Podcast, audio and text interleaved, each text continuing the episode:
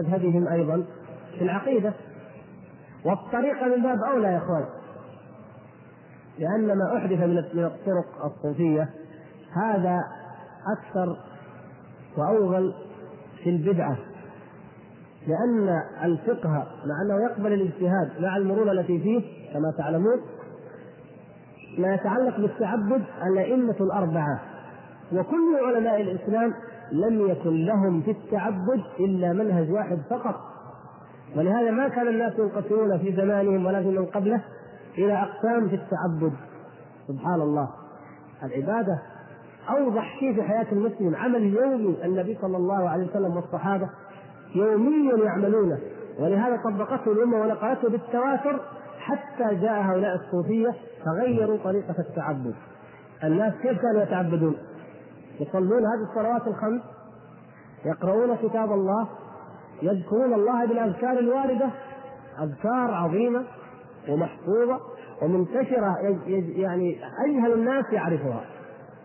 أجهل الناس من المسلمين يعرف فضل لا إله إلا الله ويعرف سبحان الله ويعرف الحمد لله والله أكبر.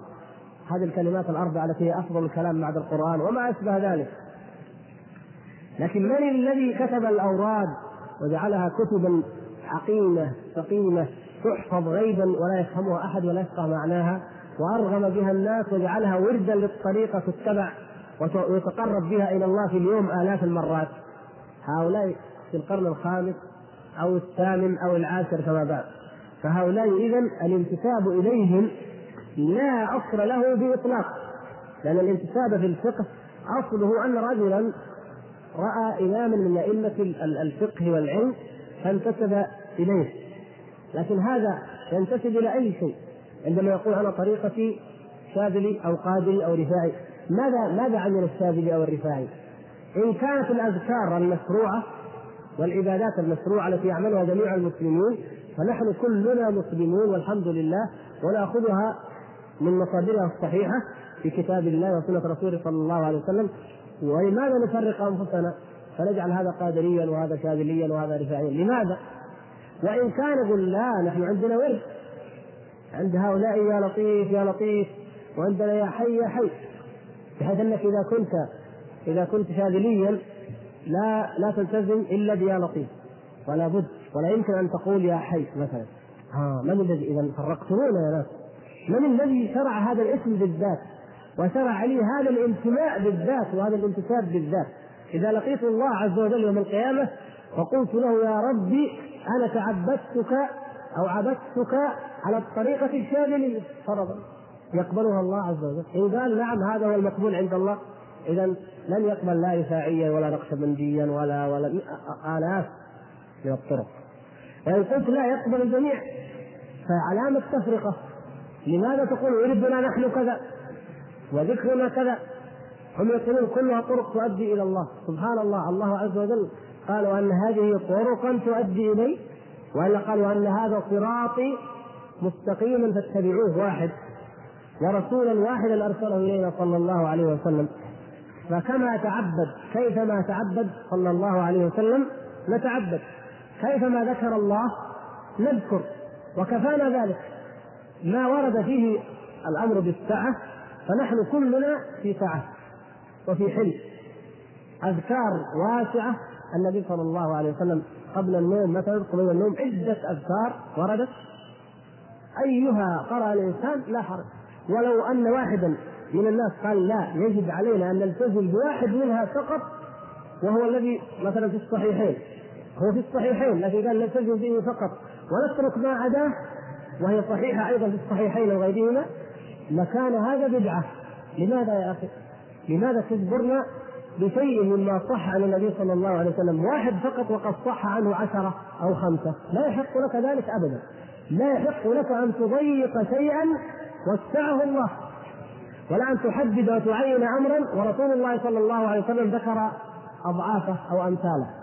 فكيف بمن ألغى ما جاء في السنة بالكامل وابتدع من عنده أورادا؟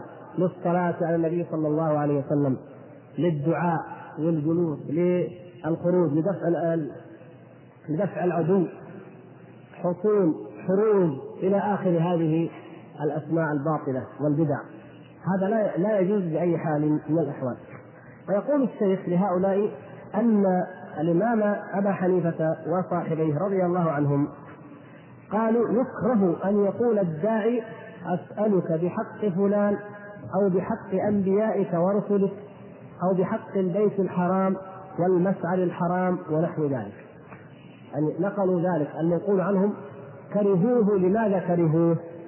لأنه بدعة والكراهية في كلام العلماء المتقدمين لا تعني بالضرورة ما اصطلح عليه الفقهاء من أنه الأمر الذي لا يعاقب فاعله أو لا يثاب على الاصطلاح الفقهي أنه آه، هناك محرم وهناك مكروه وهناك وسط فلا يثاب تارك ولا يعاقب فاعله لا الأمر كلمة كره عند السلف كانوا يطلقونها على الأمر المبتدع على الأمر الذي لا نص فيه على الأمر الحرام. يقول أكره كذا. وكانوا يفعلون ذلك رضي الله تعالى عنهم ورعا. من ورعهم لأنهم ما كان على كل كلمة يقول أحرم هذا هذا حرام. يستثقل ويستصعب أن يقول هذا حرام وإن كان هو يعلم أنه حرام ويفتي بذلك يعلم الناس أنه إذا قال أكرهه فإنه حرام. لكن حتى لا يتجرؤون على الله لكي لا يتجرؤوا على الله سبحانه وتعالى ولما عودوا أنفسهم به من الورع فيقول أكره كذا. أو يقول كانوا يكرهونه يحيل إلى من قبله من العلماء من الصحابة والتابعين. كانوا يكرهون كذا. ويكفي ذلك ليعلم السامعون أن هذا الأمر لا يجوز أو أنه بدعة. لكن فيما بعد أصبح من العوام من الجهال ممن يقولون على الله بغير علم يقول حرام. لا هذا حرام. بدون تفصيل وبدون دليل وبدون بينة. كما قال الله تعالى ولا تقولوا لما تصف ألسنتكم الكذب هذا حلال وهذا حرام لتفتروا على الله الكذب. هذا لا يجوز هذا في أي حال من الأحوال ولا يجوز للإنسان أن يتكلم إلا بعلم وببينة في هذا الأمر وفيما عداه. فكرهوا أن يقول بحق فلان أو بحق أنبيائك ورسلك أو بحق البيت الحرام أو المشعر الحرام ونحو ذلك. كل ذلك لم يرد لم يرد لا في الكتاب ولا في السنة ولا على ألسنة الصحابة الكرام. لم يرد شيء من ذلك. بل الذي ورد الذي هو ومما يدلكم على أن الأمر فعلا بدعة أن الإقسام أو السؤال بالحق معروف ووارد عند العرب في الجاهلية. العرب في الجاهلية كانوا يقسمون بغير الله ويسألون بغير الله ومن جملتها السؤال بالحق والإقسام بالحق. هذا معروف في الجاهلية. فيأتي الإسلام فلا فيحرم ويمنع قطع قطعا باتا الإقسام أو الحلف بغير الله سبحانه وتعالى.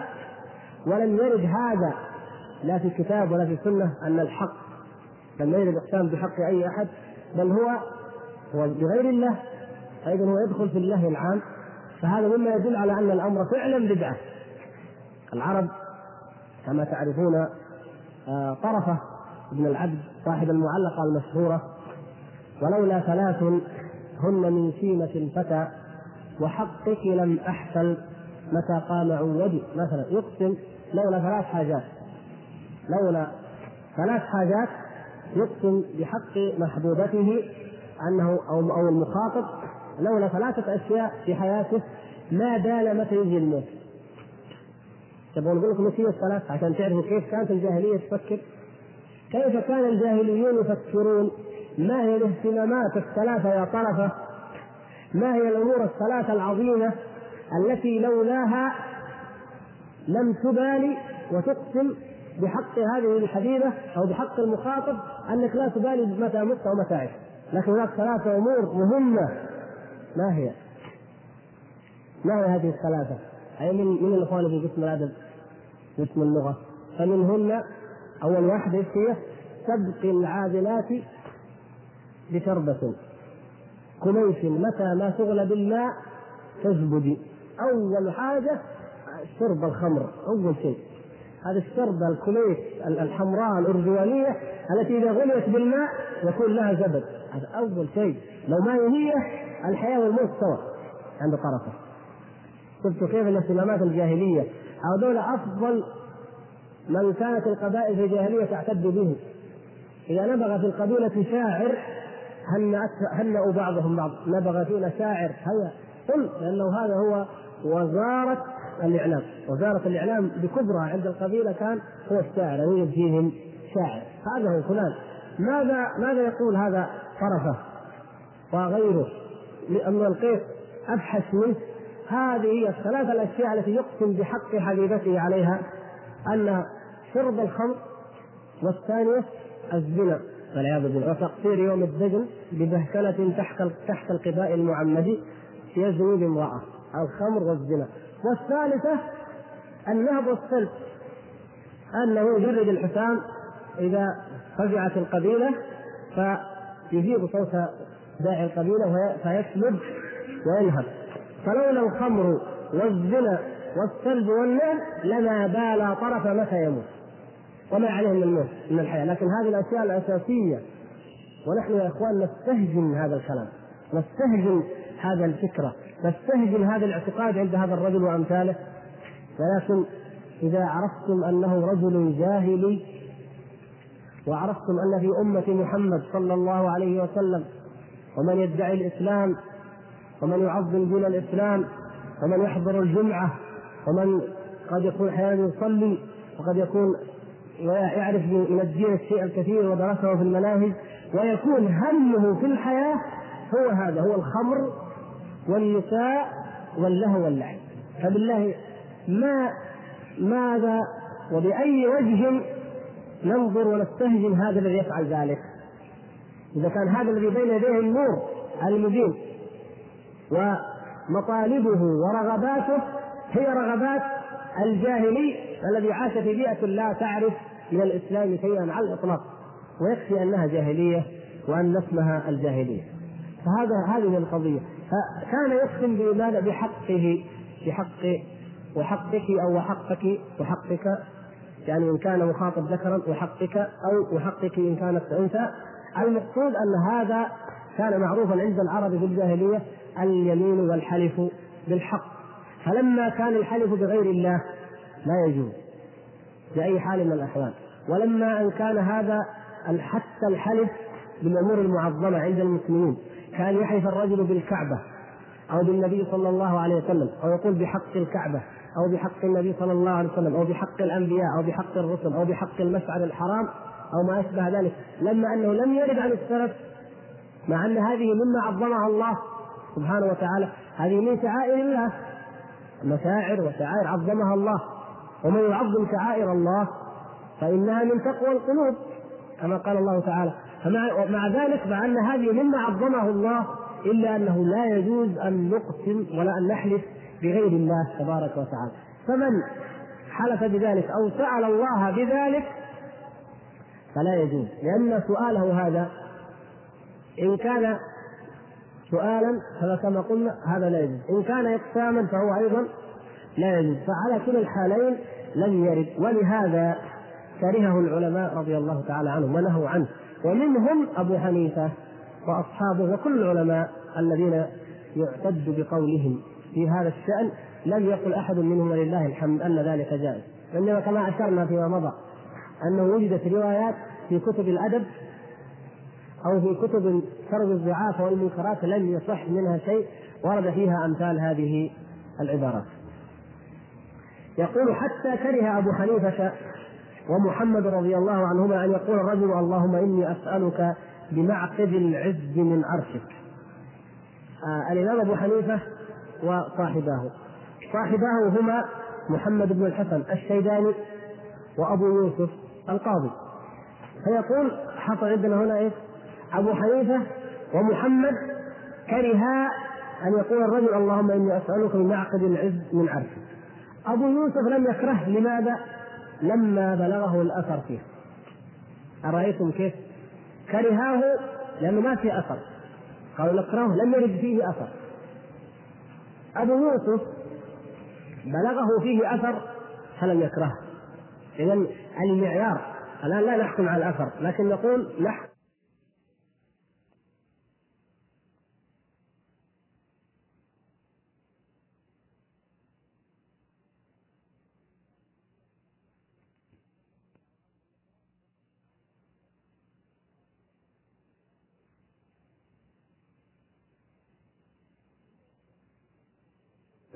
مع الأثر مع الدليل وجد أثر؟ قلنا به. ما في دليل؟ لا نقول. ليست ابتداعا ولكنها اتباع لما ورد. تبقى قضية هل صح هذا الأثر؟ هل هل هو صحيح؟ الذي توصلت إليه أن هذا الأثر لا يصح أنه لا لم يصح لا يصح أن يسأل الله سبحانه وتعالى في معقد العز من عرشه. ونطلب من الإخوان جميعا جزاهم الله خيرا. إن وجدوا شيئا من هذا أن يبحثوا. قد أيضا أعانني بعض الإخوان بحثنا ما وجدنا لكن مثل هذه القضايا كما تعلمون تعود إلى البحث. فقد يجد أخ ما لم يجد غيره. لكن نقول هذا لم لم يثبت لحد الآن بحد علمنا أن هذا لم يصح. أنه ورد لا عن النبي صلى الله عليه وسلم. تفضل.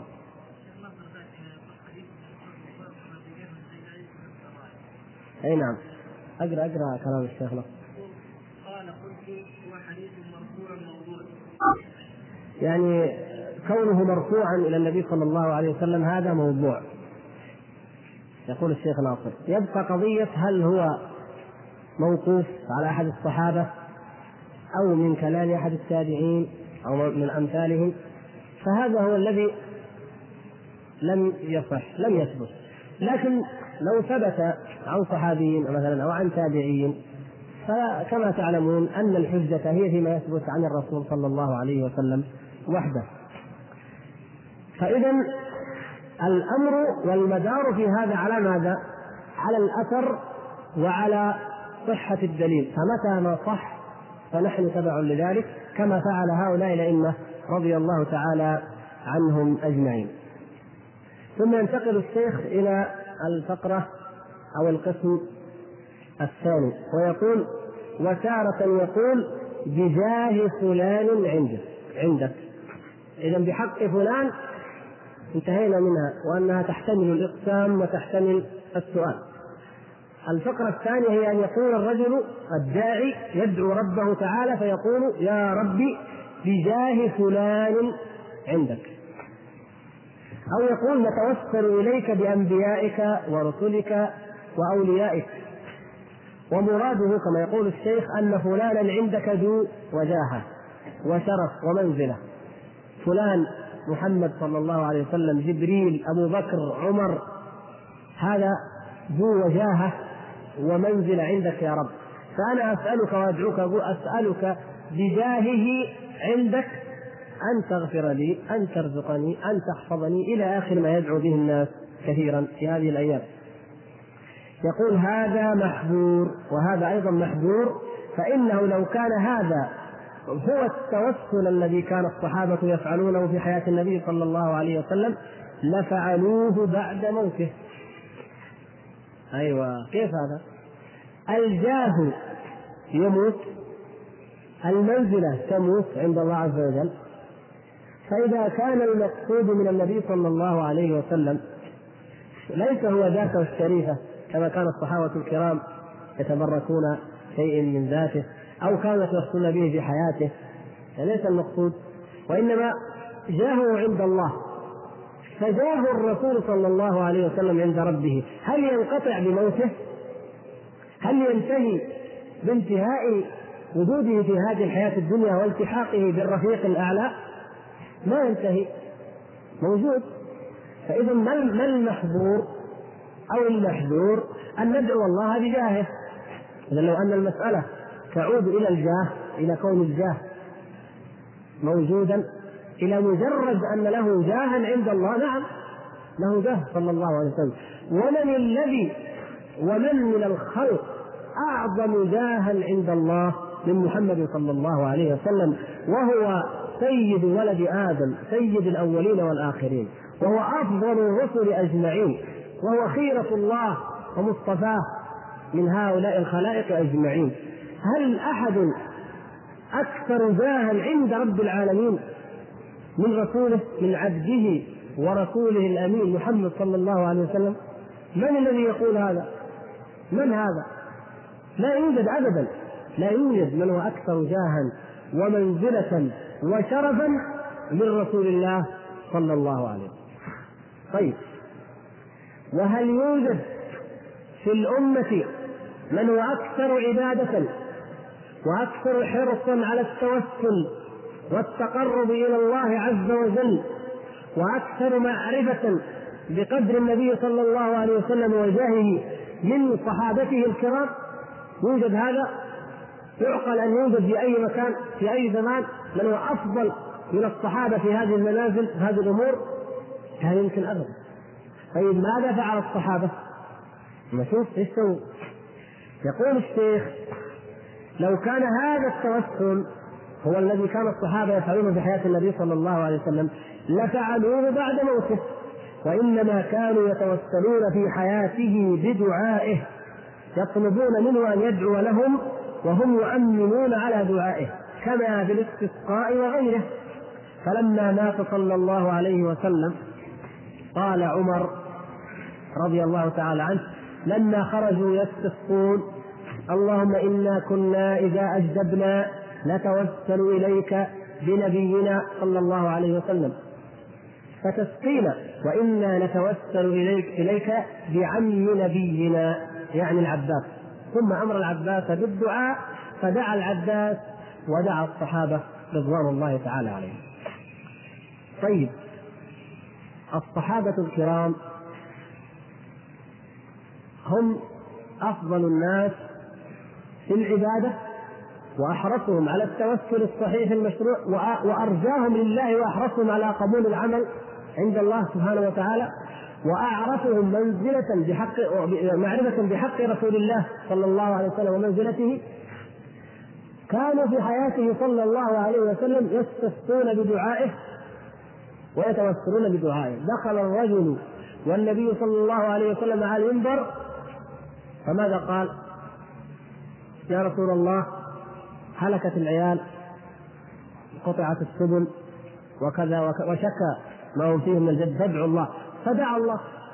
دعا النبي صلى الله عليه وسلم ربه. فجاء الغيث العميم كما تعلمون. في الاستسقاء هذا وفي غيره. في الأعمى الذي جاء النبي صلى الله عليه وسلم وشكى إليه أنه لا بصر له. وخيره النبي صلى الله عليه وسلم ثم أمره أن يدعو أن يصلي ركعتين وأن يدعو ودعا له النبي صلى الله عليه وسلم. وهكذا. نجد أن الصحابة الكرام في حياة النبي صلى الله عليه وسلم كانوا يتوسلون إلى الله بدعائه وقد يردهم صلى الله عليه وسلم لما جاءوا إليه وهو متوسد في ظل الكعبة قالوا يا رسول الله ادعو الله لنا أن البلاء قد اشتد عليه من قريش مثلا. لم يستجب لهم. قام صلى الله عليه وسلم وهو محمر الوجه. من الغضب. المقصود انهم ياتون إليه. يا رسول الله ادعو الله لنا في كذا. يدعون الله. أو يخرجون يدعون الله يدعون وهو يدعو صلى الله عليه وسلم. يدعون معا. أو يدعو ويؤمنون. المقصود أن التوسل به في حياته صلى الله عليه وسلم هذا هو. وما ورد فيه من أحاديث كثيرة توضح ذلك المراد. هذه هي صورته وهذه حقيقته. توفي رسول الله صلى الله عليه وسلم. وجاء الجذب والمحل كما حكى الأعرابي وكما كان في عهد النبي صلى الله عليه وسلم. طيب إذا كان التوسل بالرسول صلى الله عليه وسلم جائزا فليخرجوا ويقولوا اللهم إنا نسألك بجاه نبيك صلى الله عليه وسلم أن تمطر السماء أن ترحمنا أن تغيثنا؟ ما المانع؟ وبعدين يا إخوان ما هو واحد؟ ما هو واحد صحابي؟ الصحابة كلهم وعلى رأسهم أمير المؤمنين عمر الذي تعلمون علمه وفقهه ودرجته في الدين. معهم وينصون نصا على هذا. خلوكم معنا حتى إن شاء الله شوي بعيد. ينص يقول اللهم إنا كنا إذا أجددنا نتوسل إليك بنبيك أو بنبينا محمد صلى الله عليه وسلم. لاحظتم؟ يقول كنا كذا والآن يعني ولأنه صلى الله عليه وسلم قد مات نتوسل إليك بعم نبينا إذا المسألة بعد وفاته صلى الله عليه وسلم تختلف اختلافا كليا عنها في حياته. وإلى هنا نقف؟ ونسأل الله صلى الله وسلم وبارك على نبينا محمد وعلى آله وصحبه أجمعين.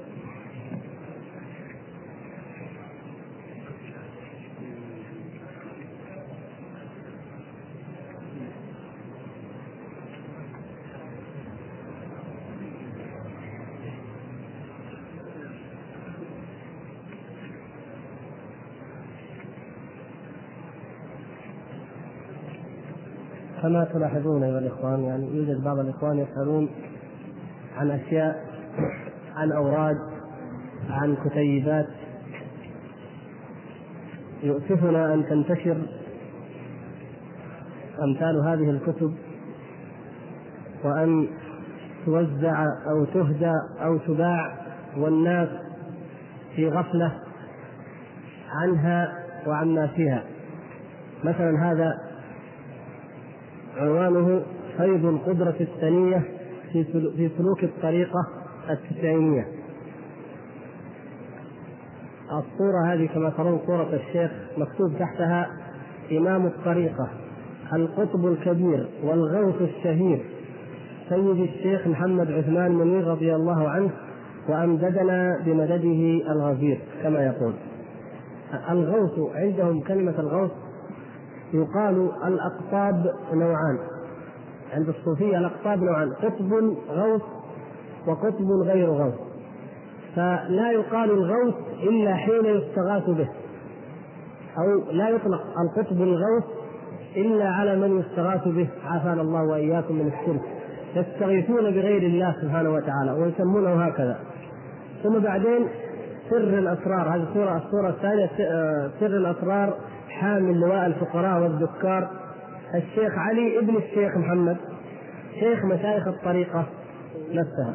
وهكذا مصورينهم. إيش المانع؟ فهذه الطرق كلها يا إخوان كل هذه الطرق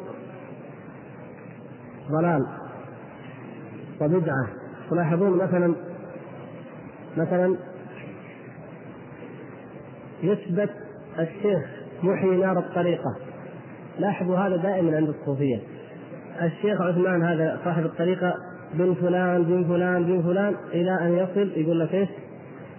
آه لأمه نسبا لأمه من حميره بن سعد الأنصاري نسبا لأمه من الأنصاري ابن الفضل ابن عبد الله ابن عباس عم الرسول صلى الله عليه وسلم ابن عبد المطلب ابن هاشم يعني إذا ما يقدر يجيب نسب من ناحيه الأب لازم يجيب من ناحيه الأم أنه ينتسب إلى الرسول صلى الله عليه وسلم حتى تكون طريقته أقوى. ويكون الأتباع يتبعونه وهم واثقون أن شيخهم هذا ينتسب إلى الرسول صلى الله عليه وسلم. ويذكر يذكر بعد ذلك عن حياته ويذكر الأوراد والأسماء والدعاء. كل هذه أوراد وأدعية لم ت... لا أصل لها. فيما يعني أنا تصفحت الآن على ضيق الوقت إلا أن هذا الكلام يا أخوان كل هذه الطرق الطرق من أساسها لا لا صحة لها وهي غريبة على دين الإسلام وليست من دين الإسلام في شيء. وهؤلاء هم الذين فرقوا المسلمين. وكل من يطالب ومن يحب أن يتوحد المسلمون فعليه أن يحارب جميع هذه الطرق لأنها هي التي فرقت المسلمين. هؤلاء يزعمون أن صاحبهم هو القطب الغوث وكل طريقة تدعي ذلك. وكل طريقة تأخذ أورادها عن الشيخ وأوامره وأوامرها ونواهيها كلها تأخذها عن شيخها فقط. فماذا تكون النتيجة؟ الاسم مسلمون عام والواقع مئات وآلاف من الديانات. كل يعبد على دين ما من الأديان وينتسب إلى شيخ ما من المشايخ ولكن يقول كلنا يجمعنا أننا مسلمون من اين اين الإسلام؟ من هذا التفرق ومن هذه الشركيات ومن ومن هذا الدعاء عبادة غير الله والاستغاثة بغير الله ودعاء غير الله سبحانه وتعالى. وهذا الآخر دعاء الفوز العظيم. الفوز العظيم.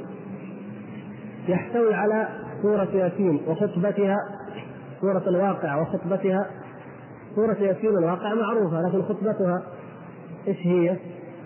الله أعلم في شيء جاب هذا الكلام ودعاء وحرز لجلب الأرزاق ودعاء يقرأ بعد كل عمل من الذي شرع هذا الدعاء بعد كل عمل؟ من الذي شرع دعاء خاص الأرزاق؟ هذا مما شرعوا هم كما قال الله تبارك وتعالى أم لهم شركاء شرعوا لهم من الدين ما لم يأذن به الله. هم شرعوا من عند أنفسهم. يقول هذا حجاب وحرز مانع ودافع من كل شر بني آدم والجن. وأصبحوا يدافعون عن الإسلام ويدافعون عن الدين لأنه لا يثبت لله جهة وأن إثبات الجهة فيه كذا ويستلزم كذا ويستلزم كذا. يظنون أنهم يدافعون عن الحق. فبقي المقالة تبقى هي كفر لأن لا الحكم لا يتغير. لكن هؤلاء الذين يتأولون هذه التأولات لا نكفرهم حتى نقطع شبهتهم الآن أكثر المسلمين اليوم يقولون الله في كل مكان ويعتقد هكذا أنه في كل مكان وأنه ليس فوق العرش هذه مصيبة كبيرة كلام خطير المقالة هذه كفر لكن هل نكفر كل أحد يقولها؟ لا، لأن بعض الناس يقولها عن تقليد، عن عمى، ما ما عنده بصيرة. وبعض الناس يقول على على تأويل لأنه لم يتصور أن إلا أنه إثبات علو الله عز وجل أنه له حيز وأن له كذا وأن له كذا مما هو تشبيه أو تمثيل. فإذا مثل هذه الحالة المقالة كفر وأما القائل فبحسب حاله وبحسب قيام الحجة عليه.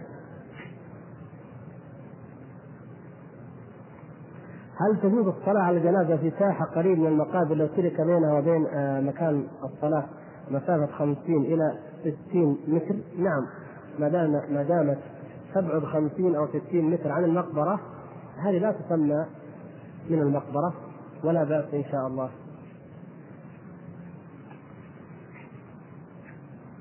الأخ يقول أنواع الشرك. حقيقة كثير هذه الإجابة. يمكن نضطر أن نختصر. يقول الأخ آه، نريد أن تبين لنا هل أنواع الشرك الآتية من الشرك الأكبر أو الأصغر. شرك التقرب والزلفى. هذا لا يكون إلا أكبر لأن هذا التقرب لا يكون إلا لله. شرك طلب الشفاعة من غير الله. طلب الشفاعة من غير الله. إن كان دعاء دعا غير الله يا فلان اشفع لي فهذا من الشرك الأكبر لأنه دعاء. وأما إن كان قال اللهم شفع في فلانا شفع في محمد صلى الله عليه وسلم فهذا جائز. وإلا إن كان له صورة أخرى صور آه، غير جائزة آه، أو غير واردة ولكنها على ألفاظ أهل البدع كما يقولون أو كما يتأولون فهذا يكون بحسب ذلك اللفظ الذي يقال. شرك الرياء. الرياء هذا في الأصل أصل الرياء هو شرك أصغر كما ذكر ذلك النبي صلى الله عليه وسلم. لكن الرياء لو دخل أصل الإيمان وأصل الاعتقاد لو آمن رياء هذا يكون منافقا ولا يكون مسلما لأن المنافق يسلم ويؤمن رياء. لكن المؤمن ايمانا حقيقيا صادقا في إيمانه لكن راى في صلاته راى في صدقته راى في طلبه للعلم أو أمثال ذلك عافانا الله وإياكم من هذه. هذا الذي هو شرك أصغر. شرك الطاعة والاتباع. إذا اتبع الناس أحدا في تحريم ما أحل الله أو تحليل ما حرم الله فإن هذا من الشرك الأكبر في الأصل كما قال الله تبارك وتعالى اتخذوا أحبارهم ورهبانهم أربابا من دون الله. هذا شرك أكبر. والله تعالى قال اتخذوه أربابا. وفسرها النبي صلى الله عليه وسلم لعدي بن حاتم فسرها له بأنه لما قال ما عبدناهم؟ فقال ألم يكونوا يحلون لكم الحرام ويحرمون عليكم الحلال فتطيعوهم؟ قال بلى. قال فتلك عبادتكم أو فتلك عبادتكم إياهم أو فتلك عبادتهم أي التي عبدتموهم إياها. فإذا أن يطاع إنسان ويتبع في أمر مخالف لما هو في صريح القرآن والسنة كأن يأتي إنسان ويقول الله تعالى جعل عقوبة الزاني الرجم إن كان محصنا والجلد إن كان بكرا وأنت ماذا تريد؟ قال نريد أن نجعلها غرامة وسجن. فهذا النوع هو الشرك الأكبر. ومن أطاعه في ذلك واتبعه فهذا هذه هي الربوبية التي ذكرها الله تعالى. اتخذوا أحبارهم ورهبانهم أربابا من دون الله. بل هي في الحقيقة أشد من تلك من وجه وهو أن الأحبار والرهبان يقولون عن الله يوقعون عن الله لأنهم يتكلمون باسم التوراة والإنجيل. لكن هذا الرجل إذا كان مشرعا وضعيا أو كافرا وضع هذا التشريع كافر لا يؤمن بالله كافر من الكفار كقانون نابليون هذا مثلا فتصبح طاعته في هذا الشيء من الشرك الذي لا خفاء فيه ولا يجوز أن يخفى على أي مسلم. القضية الأخرى أنه متى يحل بعض الناس شيئا حرمه الله أو يحرمون شيئا أحله الله ولا يكون شركا مخرجا من الملة. إذا كان ممن يعارض الكتاب والسنة برأي أو قياس أو ما أشبه ذلك هو في الأصل عالم هو في الأصل مجتهد هو في الأصل متبع الكتاب والسنة لكن وضع معايير غير مقبولة عند في المنهج الصحيح للاستدلال وأخطأ في ذلك وتبعه من تبعه على ذلك. لا على أنه مشرع ولكن لأنه إمام قدوة قلدوه فكان في تقليدهم اياه ان وقعوا فيما حرم الله. أو استحلوا استحلوا ما حرم الله وحرموا ما أحل الله. فإذا قلت هذا الآية فنفرض أنه حرام والحديث يقول لك هذا قد ورد في المذهب.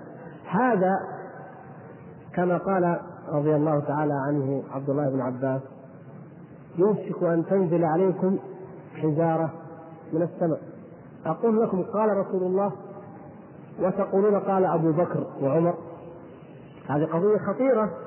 لكن ليست كجلاء الأولى لأن هذه تحتمل. يقول أنا ما اتبعته الا لأنه هو فقيه وإمام وهو أعرف بالأدلة مني وكذا وكذا.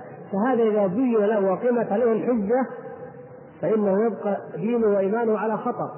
أما ما دام يتبعه عن جهل فهو له حكم الجهال والله المستعان.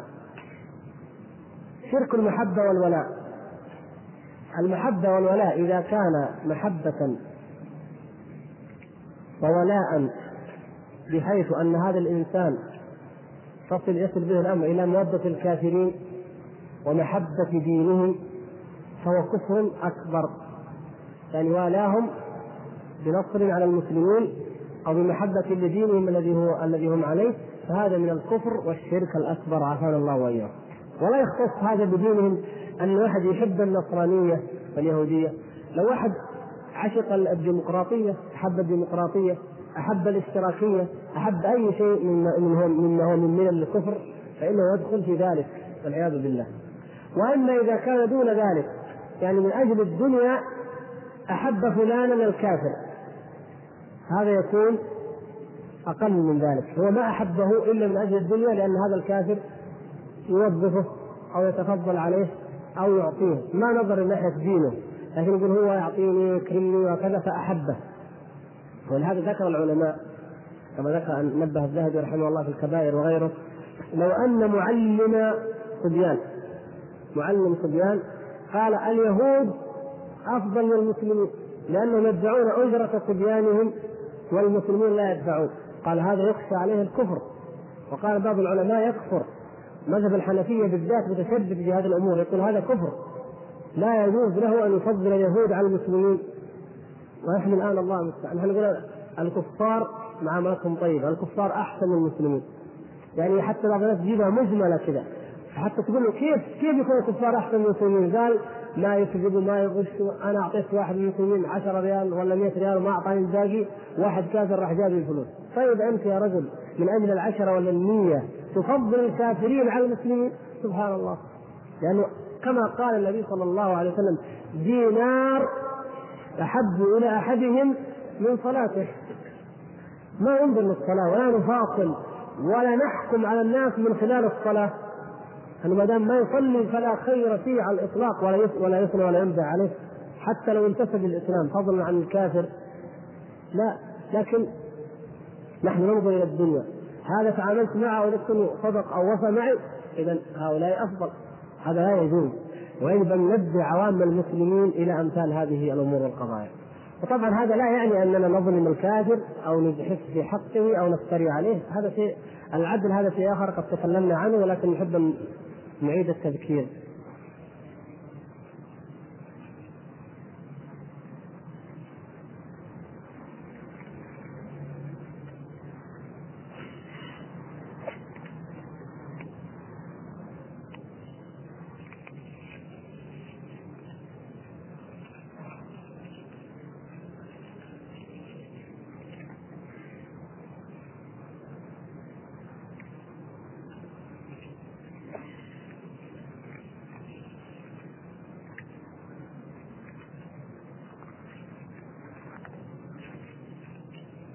هذه لها علاقة بالموضوع. نحب نقراها السؤال ذا يقول هل يجوز أخذ أسرى الجهاد الإسلامي في أفغانستان كعبيد؟ لأن معاهدة جنيف تحرم أخذ الأسرى عبيد. المجاهدون الأفغان إذا حاربوا وأسروا الروس هل يكونون عبيدا؟ وإن لم يلتزم بمعاهدة جنيف؟ نعم. نحن أمة القرآن لو التزمنا بمعاهدة جنيف ما حاربناهم أصلا. لأن معاهدة جنيف هذه هي التي أعطت الدول الكافرة الحق في السيطرة على العالم الإسلامي. ومن أول أول ما عقدت المعاهدات الدولية كانت تسمى دولية وهي في الحقيقة معاهدات أوروبية. ولم يكن على الإطلاق يسمح بأن يدخل أي دولة إسلامية. رغم أنه لم يكن في ذلك الوقت يوجد دولة إسلامية حقيقية لكن كانت الدولة العثمانية ولم يكن يسمح لها على الإطلاق بالدخول في هذه المعاهدات إلا في فترة متأخرة بعد أن مسخت تماما ولم يعد لها أي اصطباغ بالإسلام. فالمعاهدات الدولية معاهدة تحريم الحرب هذه أهم من معاهده جنيف معاهدة باريس لتحريم الحرب. لو التزمنا بها خلاص ما نحارب الروس لأن المعاهدة تحرم الحرب. هؤلاء الكفار يحاربون في كل مكان. ينشرون الأساطيل في كل مكان. تجدون أنهم في أبعد الجزر في القطب الجنوبي في القطب الشمالي في أبعد دولة عن أمريكا وروسيا. ممكن أن تنشئ تنشئ قاعدة أو فرنسا أو بريطانيا أو أي دولة قوية تعمل ما شاءت. توخي جيشها واساطيلها إلى أي مكان وهي مع ذلك تقول معاهدة جنيف واتفاقية باريس وما في أي شيء. فإذا قام المسلمون في بلد ما وتجمع منهم مجموعة وارادوا أن يسأروا أرادوا أن يجاهدوا أرادوا أن يأخذوا حقا لهم من حقوق الدنيا المغصوبة حتى لو ما كان على جهاد. قالوا اتفاقية جنيف ومعاهدة باريس ومعاهدة كذا ومحكمة العدل الدولية وكذا وكذا سبحان الله ما تطبق إلا علينا والرقيق يا إخوان هذا تحريم الرقيق تعرفون لماذا حرم الرقيق؟ ما دمنا فتحنا الموضوع قبل كذا هل تعلمون كم دول من العالم التي وقعت اتفاقية تحريم الرق؟ أو هل تعرفون كم من الدول التي لم توقع على اتفاقية تحريم الرق؟ يوجد في ملفات الأمم المتحدة ما يقارب 60 دولة حتى يومنا هذا لم توقع على اتفاقية تحريم الرق. والأرقاء يباعون. الأرقاء يشترون من الهند ويشترون من لبنان ويشترون من الدول الإفريقية الجائعة. يشترى الناس شراء ويشتريهم من؟ الدول المتطورة المتقدمة. التي وقعت اتفاقية تحريم الرق. يشترونهم ويربون على دين النصارى. وقد قرأت مرة من المرات نشر في أكثر الصحف أنه أكثر من ثلاثين ألف طفل من شرق إفريقيا اشترتها الكنائس النصرانية في دولة أوروبية واحدة. يشترونهم شراء. في أمريكا يشترون بالآلاف يشترونهم من المكسيك ومن دول أمريكا الوسطى. صحيح أن القانون لا لا يبيح ذلك لكن العملية ماشية. في الواقع ماشية. القانون لا يبيحها لكنها ماشية. فما بالك بالدول التي ما وقعت؟ لكن نقول لماذا فرضت بريطانيا التي كانت تسمى ذلك الوقت بريطانيا العظمى اتفاقية تحريم الرق أصلا؟ بعد أن لما احتلت أمريكا كانت أمريكا مستعمرة بريطانيه بعد أن شحنت الآلاف من المسلمين كان أغلبهم من إفريقيا واستخدمتهم في مزارع القطن في أمريكا وغير ذلك وظهر التنافس الدولي الحاد على المصالح الاستعمارية. وبالمقابل كان الإنجليز يسبون ويباعون في بعض المناطق ومنها كانت شرق جزيرة العرب. كان هناك قبيلة كمثال نذكر لكم هذا المثال. قبيلة يسمونها القواسمه قواسمة كانت قبيلة على الخليج وكان لها اسطول بحري فكانت مزعجة للإنجليز بشكل رهيب جدا. فكانوا يسمون ينهبون البواخر الإنجليزية ويبيعون الإنجليز عادي العملية بيع زي ما يبيعوا الناس. فنتيجة لهذه الأوضاع ولاوضاع دولية أخرى اضطرت بريطانيا أن تشن حملة وتجعلها إنسانية من أجل الإنسان ومن أجل كرامة الإنسان أن لا يباع الإنسان، هم يعرفوا كيف يبيعوا ويشتروا. وغيروا طريقة البيع والشراء، أصبحوا يستعبدون الأمة بأكملها، ما عاد يستعبدوا فرد بذاته، أصبحوا يستعبدون الأمة كاملة ويسخرونها عن طريق استخدام بعضها ضد بعض، لكن فرد يباع ابدا، يعني زي ما عبر الشاعر يعني تدمير شعب كامل قضية فيها نظر. وقتل فرد واحد جريمة لا تغتفر. هم المعايير التي ينظر لها الغرب معايير معكوسة نظرتهم للحياة. ولهذا شرعوا هذه القوانين التي هم وضعوها وهم أول من يخرقها ولكنها تطبق على المسلمين. أما المسلمون فيجب أن يلتزموا بالقرارات وبالمعاهدات. وأما هم فهم الذين وضعوها ويعملون ضدها كما شاءوا. ومن يأبى الميدان امام من يستطيع أن ينكر. القوة هي التي تحكم وهي التي تؤثر.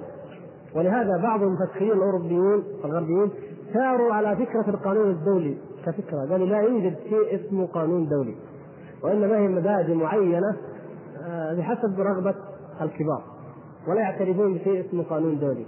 وأمثال ذلك. المقصود أننا نحن المسلمين لو التزمنا بأحكام الكفار لأخرجونا عن دين الإسلام. لا يرضون أن نحارب فضلا عن أن يرضوا أننا نأسر أو نسلم. ولا يأسره المجاهدون الأفغان أو غيرهم من اسرى الكفار فهم عبيد. إلا اذا اما منا فإما فداء إما استرقاقا. الأحكام الشرعية المعروفة. المهم أن لا يطبق ولا يجوز أن يطبق أي اتفاقيات أو أحكام لأنها مخالفة لدين الله سبحانه وتعالى وإنما نطبق فيهم شرع الله الذي أنزل.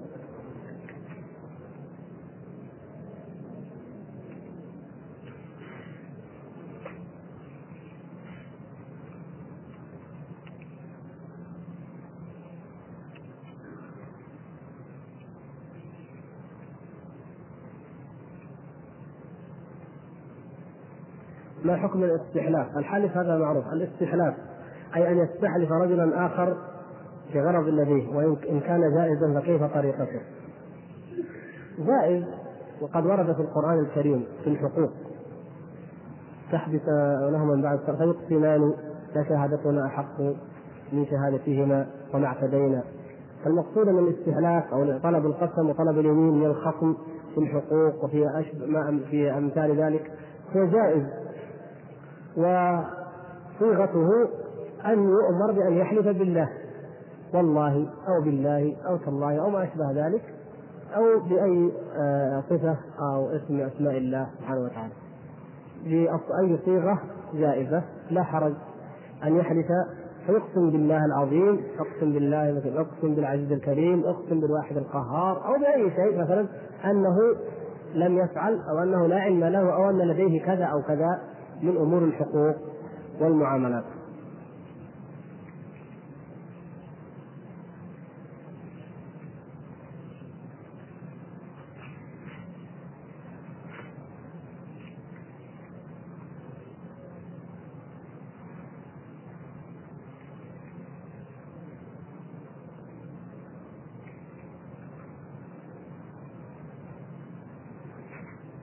يقول أحد الإخوان حقيقة هذه قضية عجيبة إنه أحببت أن أسأل عن حكم الإسلام في قضية التنويم المغناطيسي التي يقوم بها أحد المدرسين في الجامعة في قسم علم النفس. هذا العهد على الناقل على الكاتب حيث يقوم بفصل الطلاب في المحاضرة إلى جزئين. ثم يطلب من الطلاب الذين يريدون أن يناموا قراءة آية الكرسي ثم يسمي ثم يصلي على النبي صلى الله عليه وسلم. ثم يطلب منهم استرخاء تام ثم يقول لهم شهيق زفير بعمق بعمق شهيق زفير بعمق بعمق. وبعدين ما ذكر يناموا ولا ما يناموا هذا لا يجوز يعني في في جامعة علمية يعني لا يجوز أن يقر هذا الكلام. ولهذا يجب على الإخوان الطلبة الذين رأوا هذا الشيء أو عاينوه أن ينصحوا المدرس أولا. فإن كف وتاب فالحمد لله. وإلا فليبلغوا رئيس القسم أو عميد الكلية أو مدير الجامعة.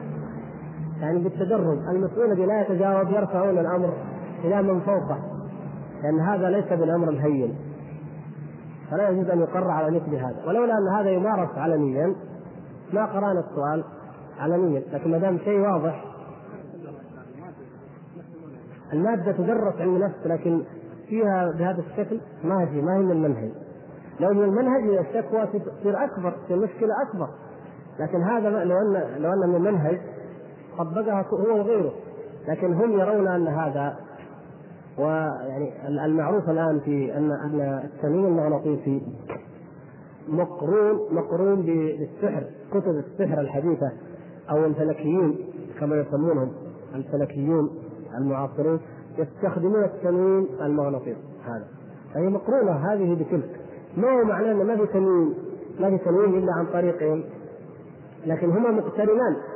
فإذا لم يكن عندنا شيء في المنهج وهو الواقع فلا بد اذا من أن هذا الإنسان لابد أن يفجر لأنه يدخل هذه هذا الفساد في عقيدتنا.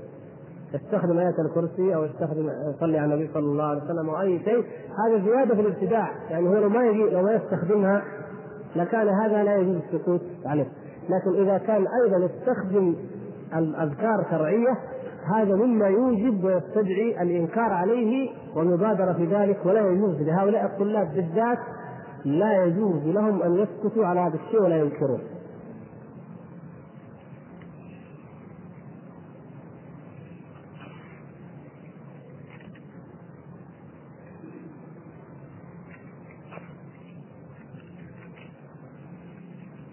السؤال بالله. أحد الإخوان يسألني بالله أن اجيبه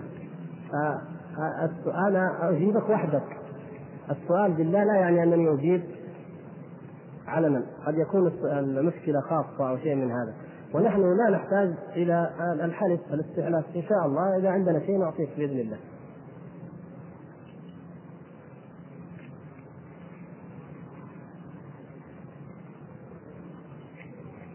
كتاب حياة الصحابة فيه موضوعات وفيه ضعاف وهي أكثر شيء وفيه الصحيح وهو قليل.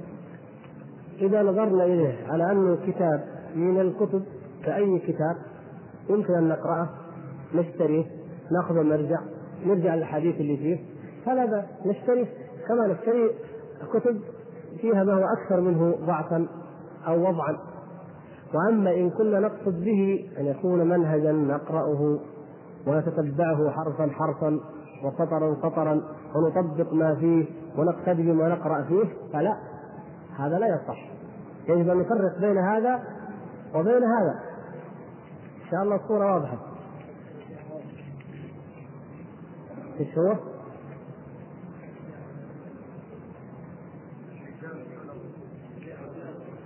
الجامع؟ رجال حول الرسول. خالد محمد خالد. الصحابة الكرام لا ينبغي لنا أن نجهل تاريخهم بل الاطلاع على أحوالهم وقراءة حياتهم هذا يقوي إيماننا ويفيدنا في أن نتأسى بهم وهم من جيل القدوة. لكن هل نقرأ عن الصحابة لخالد محمد خالد؟ الصحابة عندنا كتاب الإصابة وعندنا غيره من الكتب كتب الطبقات وكتب الرجال. وعندنا مؤلفون وإن كانوا معاصرين لكنهم على عقيدة سليمة وعلى علم صحيح كتبوا عن الصحابة وعن حياتهم وعن أحوالهم منفردين أو مجتمعين بعضهم أو كذا فنقرأه لهم. أما رجل مشبوه الفكر لا نقرأ له. خالد محمد خالد يطالب بالديمقراطية. يصف بعض الصحابة بأنه ديمقراطي والآخر بأنه اشتراكي. والآخر بأنه إنساني والآخر بأنه كذا. يطبق النظريات العصرية على الصحابة الكرام. هذا لا يجوز ولا نقره على ذلك. وأصحاب رسول الله صلى الله عليه وسلم أجل وأرفع عند المؤمنين من أن ينتموا إلى هذه المذاهب الباطلة التي وجدت في أمم وثنية أو ما وجدت إلا في أوروبا من بعد وأن يكونوا منتمين لها. وديننا الذي كان الصحابه يمثلون رضي الله تعالى عليهم خير تمثيل ويقومون به خير قيام أبعد ما يكون عن هذه النظريات وعن هذه المذاهب لأن كلمة ديمقراطي لها مدلول كلمة إنساني لها مدلول، كلمة اشتراكي لها مدلول، كل كلمة لها مدلول خاص عند من يدينون بهذه الأفكار. فنحن لا يجوز أن نقحم أنفسنا ونسمي الصحابة بها ونسمي إليها، الله تعالى يقول ما كان إبراهيم يهوديا ولا نصرانيا. فإذا كانت الأديان المنزلة لا لا لا ننتسب إليها نقول فلان نصراني فلان يهودي. فكيف نقول فلان إشتراكي؟ سبحان الله. النصرانية يكفرون الإشتراكيين النصارى يكفرون الإشتراكيين. لأن الإشتراكية مبدأ كفر. فلو قلنا إن أبا ذر رضي الله تعالى عنه نصراني عياذا بالله يجوز هذا؟ ما يجوز. فإذا قلنا إشتراكي يجوز لا يجوز ابدا. فينبغي ان ننتبه لهذا. وهم ينظرون إليهم على أنهم بشر عظماء. العقاد وخالد محمد خالد وأمثالهم ينظرون إلى الصحابة على أنهم شخصيات عبقرية عندها تفكير عندها كذا عندها كذا. والأمر كله راجع إلى النبوغ الذاتي. وهذا لا يجوز منهج لا يجوز أن يقر لأن الصحابة الكرام رضوان الله تعالى عليهم على ما عندهم من نبوغ على ما في ذاتهم من عبقرية من عصامية من قوة من شجاعة السبب في صلاحهم وإصلاحهم للناس وفي رفع شأنهم هو الدين هو الإسلام هو اتباعهم لرسول الله صلى الله عليه وسلم أما ذواتهم فكانت موجودة قبل الإسلام أين أين عبقرية عمر قبل الإسلام؟ أين هي؟ وخالد ومعاوية وفلان كل هؤلاء أين كانوا قبل الإسلام؟ فالإسلام هو الذي يوجه الطاقات والآن نفس الشيء لو جئنا بهذا الدين بدعوة التوحيد الصحيحة الصافية وذهبنا بها إلى أن أنعى وأبعد أرض من خلق الله أو إلى أبعد قبيلة متوحشة أو إلى أي وربيناها على التوحيد الصحيح والدعوة الصحيحة لرأينا العبقريات ورأينا الذكاء ورأينا الشجاعة ورأينا الانتصارات العجيبة هذا شيء موجود ليش؟ ليس لأن أن هؤلاء عباقرة لكن لأن هذا الدين يفجر العبقريات ويفجر الطاقات ويفجر كل ما هو من شأن الارتفاع والسمو بهذا الإنسان إلى أعلى الدرجات. وبغير هذا الدين فالإنسانية في أسفل ساكنين كائنة من كانت.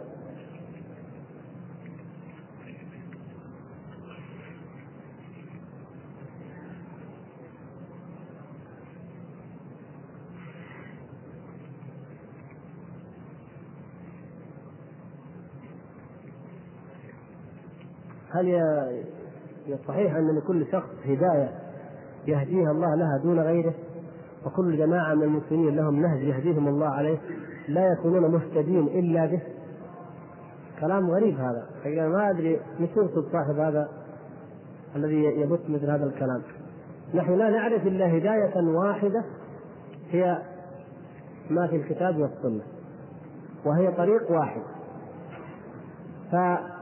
فالإنسان كل إنسان يهتدي إلى الكتاب والسنة وإلى الحق الواضح الموجود. أما هؤلاء فأنا أشم من هذا الكلام رائحة التصوف لأنهم يقولون كلها طرق كل شيخ له طريقة. أصبحت مثلا حتى عند التجار إذا قلت له هذا التصوف ياباني ولا أمريكي قال كل شيخ له طريقة. وأنت تتكلم معاه في بضاعة فأصبح يعني هذا نظريتهم هم أنه كل كل إنسان يمكن يصل إلى الله ويعبد الله زي ما يبغى على حسب الطريقة اللي يريد، لا نحن ما عندنا إلا طريق واحد لعبادة الله.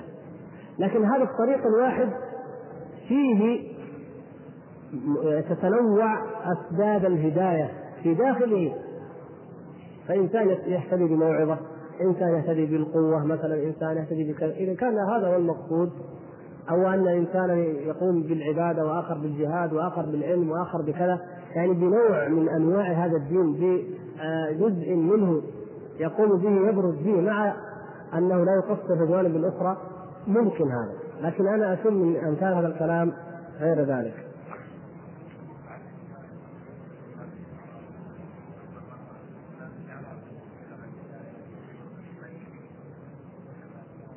لا اقسام الهدايه إنه قسمين هداية دلاله و... وإرشاد وهدايه توفيق لا هذا هذه معروفة. هم يقول كل إنسان له هداية وكل جماعة لها هداية. هذا كأنه مثل ما يقول كل طريقة كل الطرق